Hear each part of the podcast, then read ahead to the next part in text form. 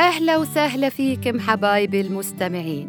ومعاكم سوسن آل إدريس وبودكاست رحم الله والديك. برنامج خفيف أحكي لكم فيه حكاياتي وانطباعاتي في الحياة. اللي أرجو إنها تعزف على وتر في وجدانك من زمان ما سمعته. أو كنت غافل عنه.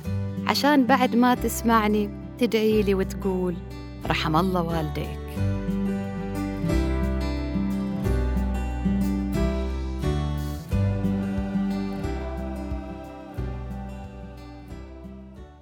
النظرة الإيجابية والضحكة والتقبل والابتسامة والتسامح. هل لأن الدنيا عدلة والناس طيبين والمواصلات سهلة والأسعار رخيصة والأهل حبايب؟ لا طبعاً. إحنا عارفين إن كل هالمثاليات الأفلاطونية مي موجودة في دنيتنا. طيب ليش تلعبوا علينا وتقولوا لينا ابتسموا وانبسطوا وأحلامك بيجي يوم تحققها؟ وهي الدنيا مقلوبة فوق تحت.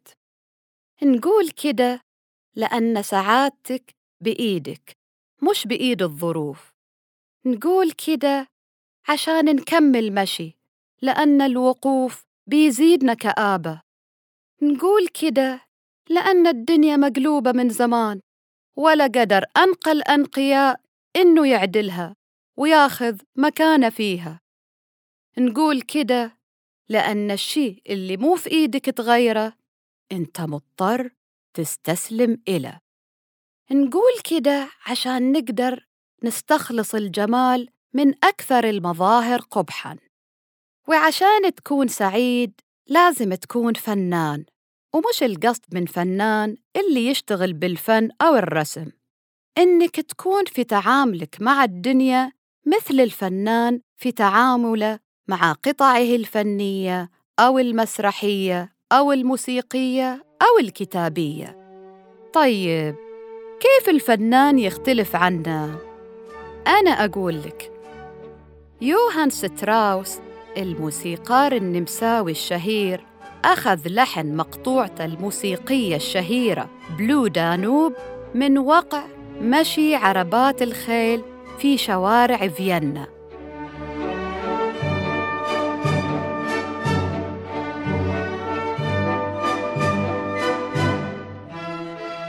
نيوتن تنبه للجاذبية من سقوط التفاحة فوق راسه.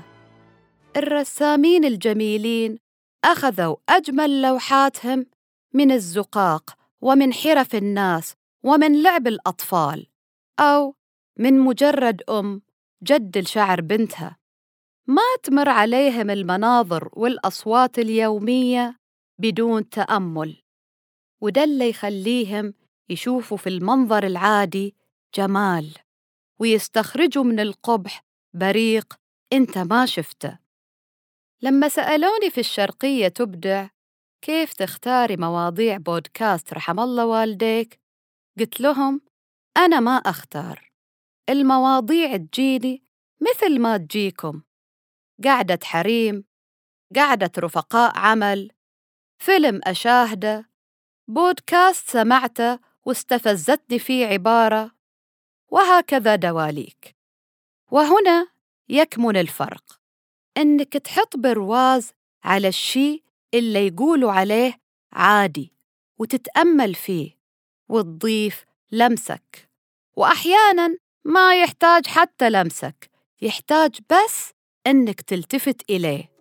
لما تكون فنان في حياتك وتشوف الجمال في يومياتك في حركاتك في ضحكة أولادك في مشوارك إلى دوامك وشوفك الناس بيخف عندك الإحساس بضغوط الدنيا وراح تبتسم لحالك من غير ما يجيلك أحد يحفزك من غير مناسبة ويقول لك ابتسم.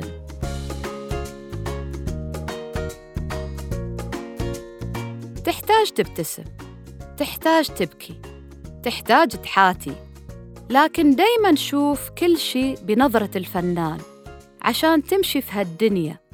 لعد ما يجي أجلنا ونخلص ونروح عالم ثاني. الله يطول في أعماركم.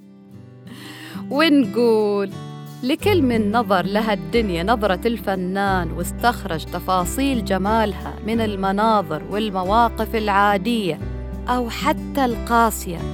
مثل ما قالت السيدة زينب بعد مذبحة كربلاء ما رأيت إلا جميلة. رحم الله والديك.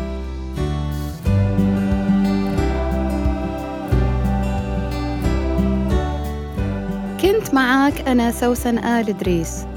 لا تنسى تشارك الحلقة مع اللي حواليك وتتابعني على حساباتي في ال social media واللي حطيتها لك في وصف الحلقة.